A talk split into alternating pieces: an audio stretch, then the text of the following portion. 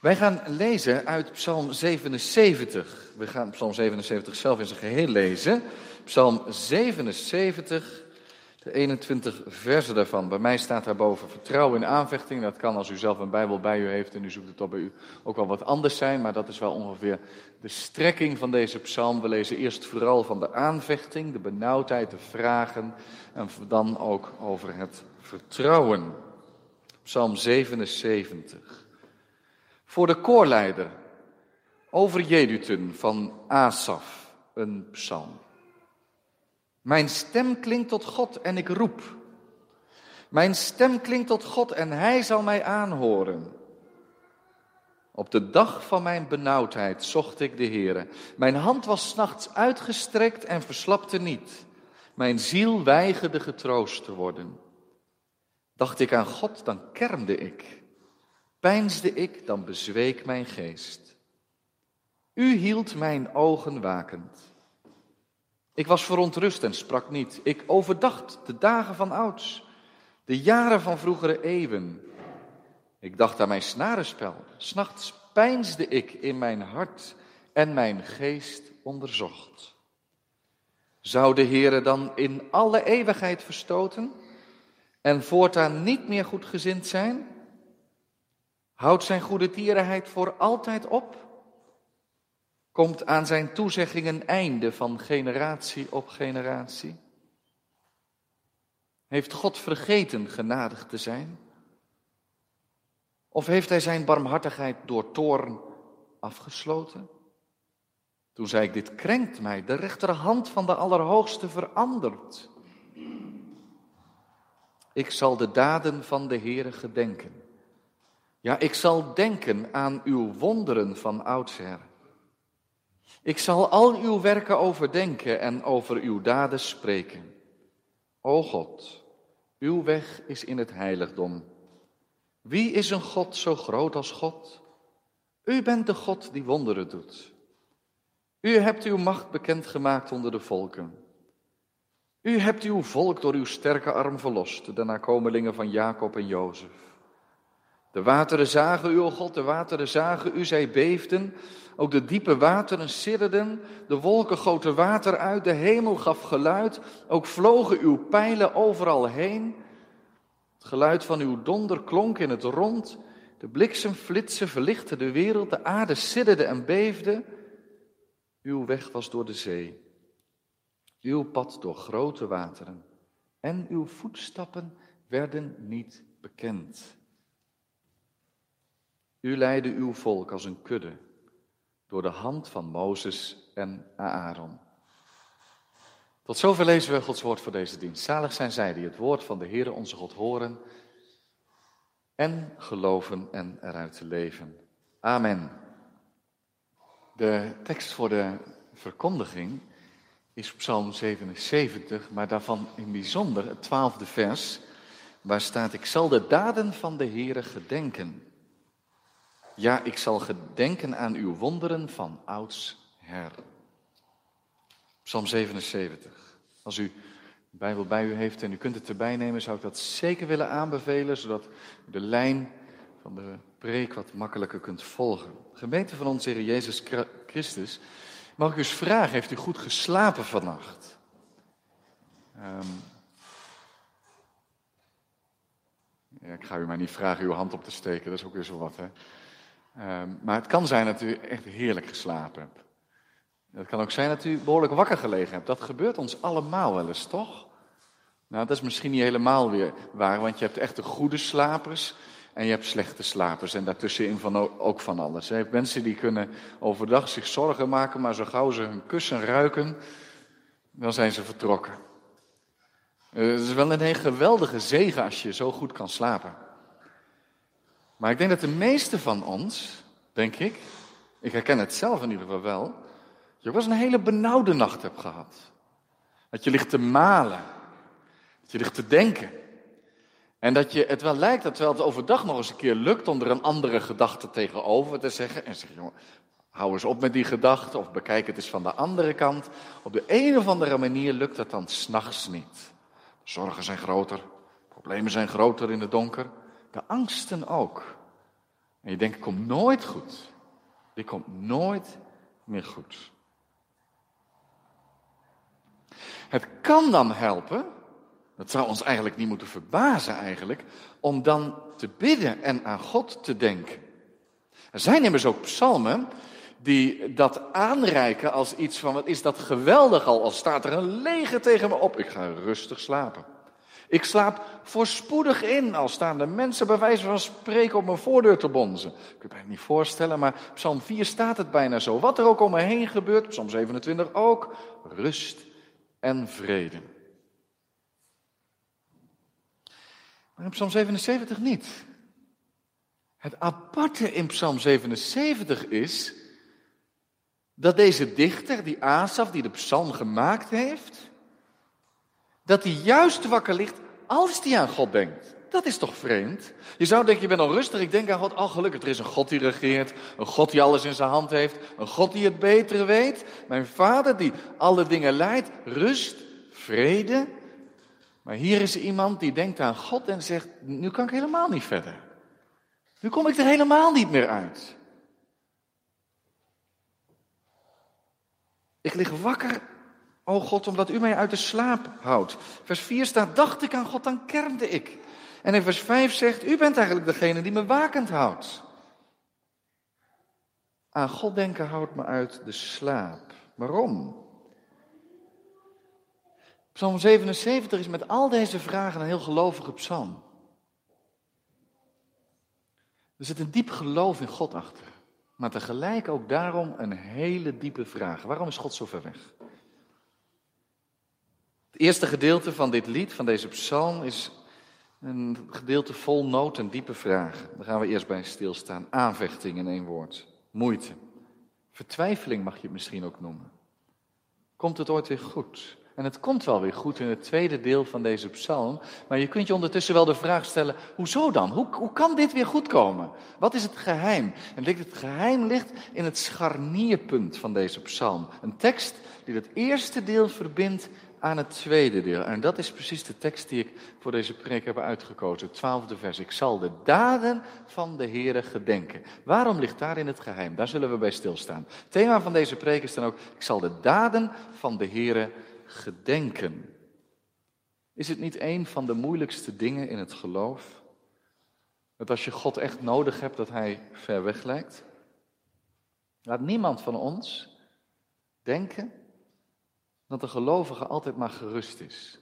Dat altijd kan overzien, nooit problemen heeft of onbeantwoorde vragen, nooit aanvechting of vertwijfeling kent. Asaf de dichter, de bidder Asaf, maar vul gerust uw eigen naam in, zit er mee in zijn maag. Waar is God als ik hem nodig heb? Hij noemt het in vers 3 de dag van zijn benauwdheid. Je krijgt het er warm en benauwd van. Het angstzweet breekt je uit. Je wil rust vinden in gebed. Dat probeert Asaf immers ook in deze psalm. En hij zegt in vers 3: Mijn hand is uitgestrekt. Je ziet hem als het ware zich uitstrekken naar God. Of die ergens in het donker die hand van God kan tegenkomen. Kan ik houvast vinden. Maar het blijft tasten, het blijft zoeken. Hij vindt die hand van God niet. En toch houdt hij vol. Ik trek mijn hand niet in. Ik moet bij God zijn. Kijk, dat maakt die psalm zo'n zo, zo door en door gelovige psalm midden in die vertwijfeling en worsteling. En zegt hij dan, mijn ziel weigerde getroost te worden. Mensen kunnen tegen je zeggen met de beste bedoelingen: ja, maar je hebt je geloof toch? En je, mag toch weten dat God je niet loslaat.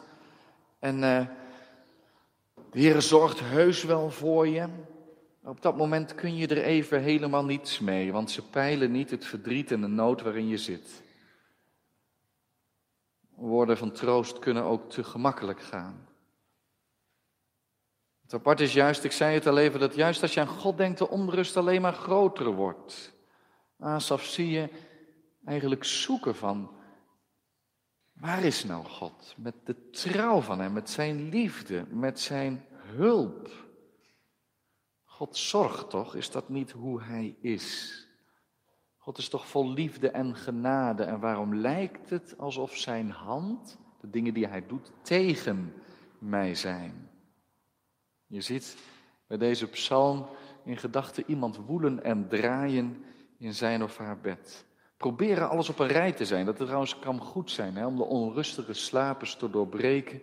Alles eens even op een rij te zetten. Dat is hij in vers 7 ook aan het doen. S'nachts pijnsde ik in mijn hart en mijn geest onderzocht. Hij is heel nadrukkelijk bezig met hoe zit het nu? En dan brengt hij eigenlijk, dan pas, want je gaandeweg die psalm tot en met vers 7 denkt, waar, waar wringt de schoen dan? Wat is er nou precies aan de hand? Maar in vers 8 tot en met 11 komt alles eruit. Wat is dat heerlijk als je dat durft. Als je durft te zeggen waar het zit, waar het niet verder wil, waar het vastloopt. Waar je zelf vastloopt op in het geloof. Wat schort er aan? En die vragen zijn hevig en groot en intens. Is het dan echt zo dat de Heer in alle eeuwigheid verstoot? Is het dan echt zo dat God voortaan niet meer goedgezind is? Houdt zijn goede tierenheid voor altijd op? Goede tierenheid, dat is juist, dat zit in dat woord dat God altijd trouw blijft. En hier zegt hij, gaat hij altijd trouw blijven van God? Houdt dat op? Voel je hoe het wringt? Het gaat hier om het hart van God, dat hij trouw is aan zijn belofte en dat houdt op. Komt aan zijn belofte, zijn toezegging een einde? Hij heeft het wel gezegd, maar hij heeft gezegd van generatie op generatie blijft mijn trouw bestaan. En hier zet Asaf, die zegt, mag ik het dan, durf ik het zo te zeggen? Het lijkt wel alsof God er een punt achter zet. Hij veranderd is. Heeft God vergeten genadig te zijn? Of is zijn toorn zo groot dat hij zijn barmhartigheid dichtgeduwd heeft? In vers 11 staat dan, dat krenkt mij. Ik hou dat niet vol.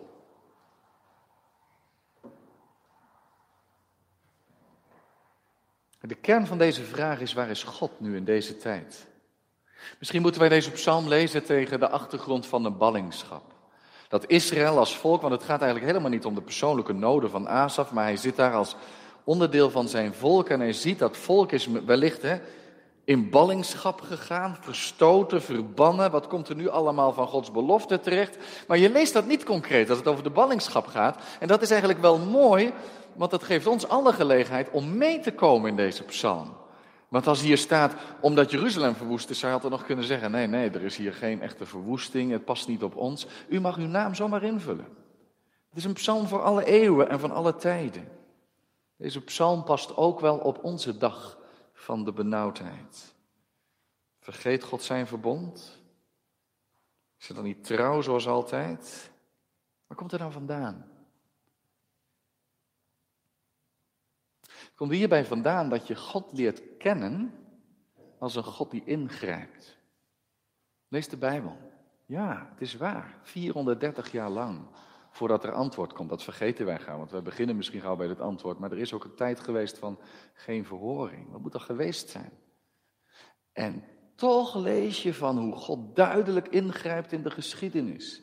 Hij neemt kinderloosheid weg, ziekte weg, geeft wonderen van genezing, bevrijdt zijn volk uit de slavernij, is het de Bijbel niet vol van het duidelijke optreden van de Heer. En dan lees je de Bijbel en je komt zelf met ziekte en met tegenslag en met verdriet en gemis en met wat ook in aanraking. En je zegt, ja maar kan God nu dan niet? Net zo krachtig als in de Bijbelse tijd optreden. Wat merk je vandaag van God? Als we naar West-Europa kijken, zien we de kerk gaandeweg leeglopen. Mensen hebben genoeg van God. Waar is God? Waar zien we iets van zijn duidelijke ingrijpen in ons deel van de wereld? Het kunnen vragen zijn van je persoonlijk leven. Alles lijkt mis te gaan. Is God soms tegen mij? Doe ik iets verkeerd? Is dan toch ergens een straf voor of zo? Waar is God in de dag van de benauwdheid? En Asaf zet dan in zijn lied, dit krenkt mij, ik ga eraan onderdoor, vers 11. En dan staat er de rechterhand van de Allerhoogste veranderd in sommige vertalingen, waaronder die van mij is daar maar in schuin gedrukte letters bijgezet. Alsof daar het omslagpunt van de psalm alvast. Van de, oh, de, de, rechterhand van de Allerhoogste zal wel zorgen dat alles weer verandert. Maar volgens mij staat hier gewoon, dit krenkt mij, dubbele punt. Wat krenkt mij? Dat de rechterhand van God niet meer is zoals die was. De rechterhand van God waarmee hij grote daden doet. Waar je naartoe kan kijken en zeggen, oh God, daar komt hij al aan. Hij zal mij helpen. En nu, nu gebeurt het niet. En dat krenkt mij. Ik weet niet waar ik met hem aan toe ben. Ik heb het gevoel dat ik er niet meer van op aan kan.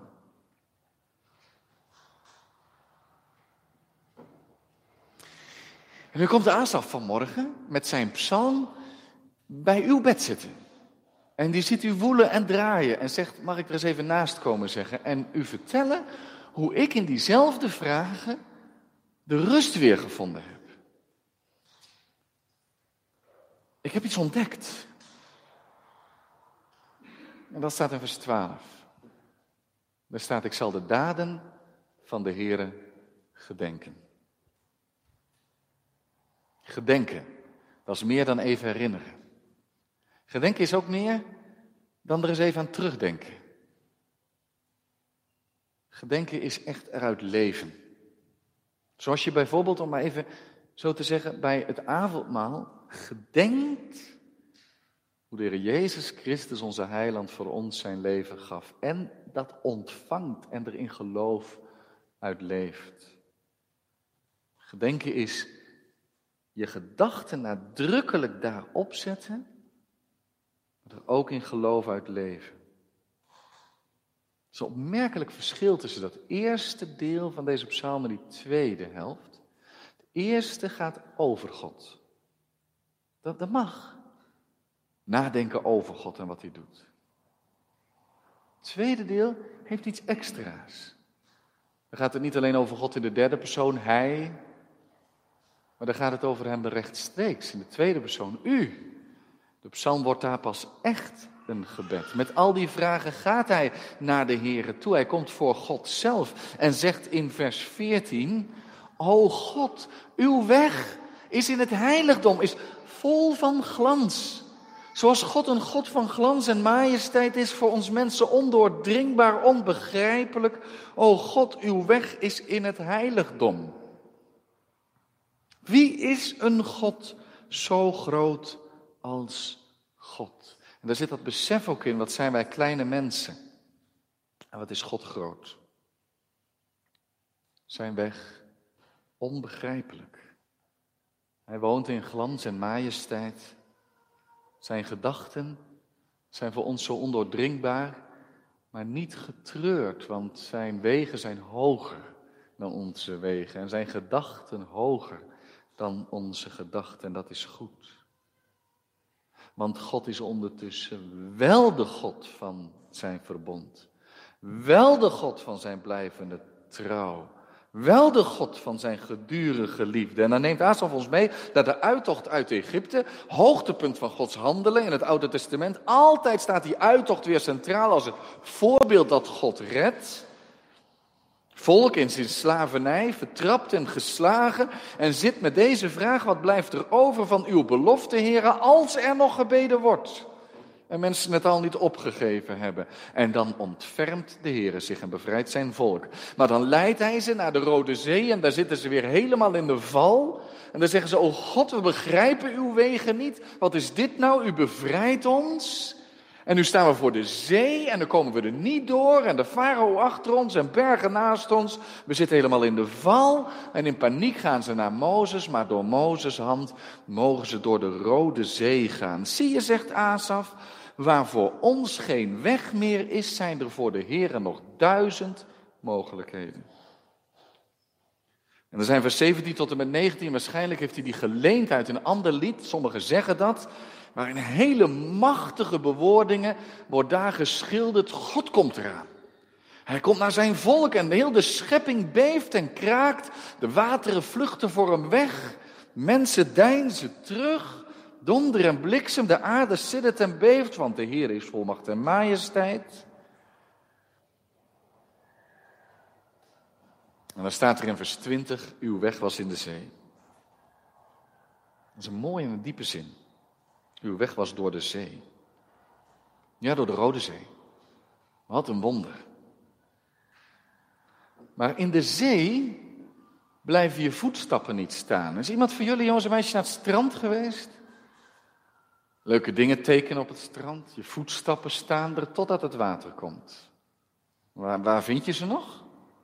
Nergens meer. Je voetstappen worden in de zee niet gekend.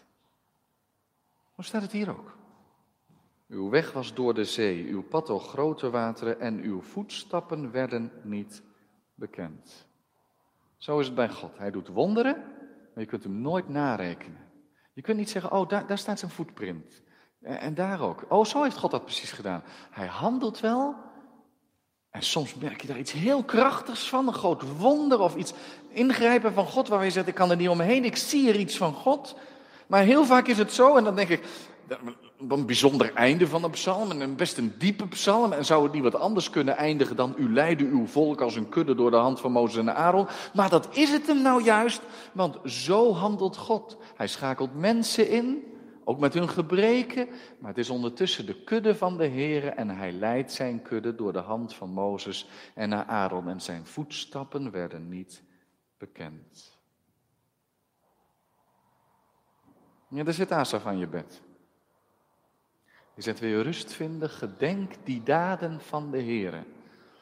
En dan zeg je, dacht dat ook toen ik dat las, van is dat juist niet het probleem? Want als ik die daden van de Heer gedenk, die uittocht, zeg ik, wauw, dat was geweldig ingrijpen van God, maar waar is God nu? Maar dan vergis je op één punt.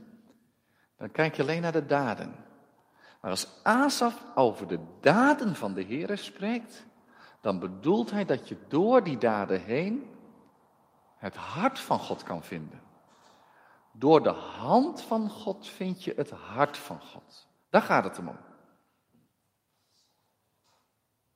Dat Asaf zegt, als God zo is, zoals we hem door zijn daden leren kennen, dan mag ik nu die rechterhand van God met zijn daden niet goed herkennen. Maar God is wel dezelfde en daar vindt mijn hart rust bij. Wil je de daden van God gedenken? Dan mogen wij nu wel een stap verder zetten en zeggen, denk dan aan wat Hij gedaan heeft in Jezus Christus zijn Zoon. Ik ken een zendeling die bij tegenslag zei, als we Gods handen niet begrijpen, laten wij vertrouwen op zijn hart. Als wij Gods handen niet begrijpen, laten wij vertrouwen op zijn hart. Want in die grote daden, dat God zelf gekomen is dat zijn zoon mens werd. Dat hij zich ontfermde. Dat hij mensen hoop gaf en genas als teken van zijn koninkrijk dat komt.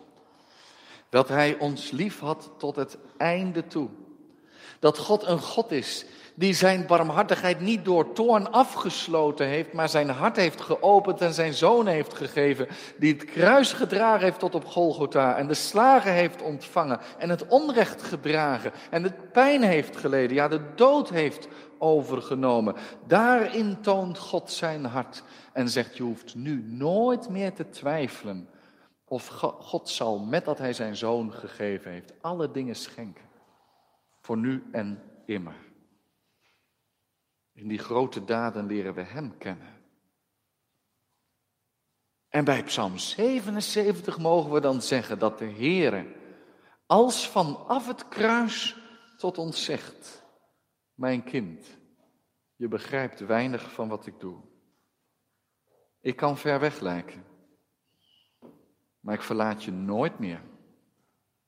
Ik ben dichterbij dan je denkt. En ik heb je lief. En ik vergeef. En ik blijf trouw. En mijn weg is ook in het heiligdom. Je hoeft mij niet te begrijpen. Maar je mag vertrouwen. Wat een waarom-vragen kunnen wij hebben. In periodes, misschien in heel ons leven. Om moet het zo. En de Heer lost ze vaak niet op. Soms. Soms kunnen we na enige tijd wel zeggen, nu, nu weet ik toch waarom. Ik denk toch dat het uitzonderingen zijn. Hoe vaak blijven ze niet bestaan? Maar er heeft een waarom geklonken op Golgotha. De grote waarom-vraag van de Heer Jezus. Waarom hebt u mij verlaten? En dat is een vraag van een diepe afgrond. En het is tegelijk een vraag waarbij je de diepte van Gods liefde niet kan zien. Zo diep. De bodem kun je niet zien van de diepte van Gods liefde. We mogen onze vragen tot rust komen, zegt Asaf. Tot rust komen. Bij het hart van God. Om wie Hij is, want God is niet vergeten genadig te zijn. Dan kun je ook misschien weer rustig slapen. En als je niet kan slapen, ga dan maar geen schaapjes stellen, maar denken aan de goede herder die zijn leven gaf, die ook over ons waakt als wij slapen. Amen.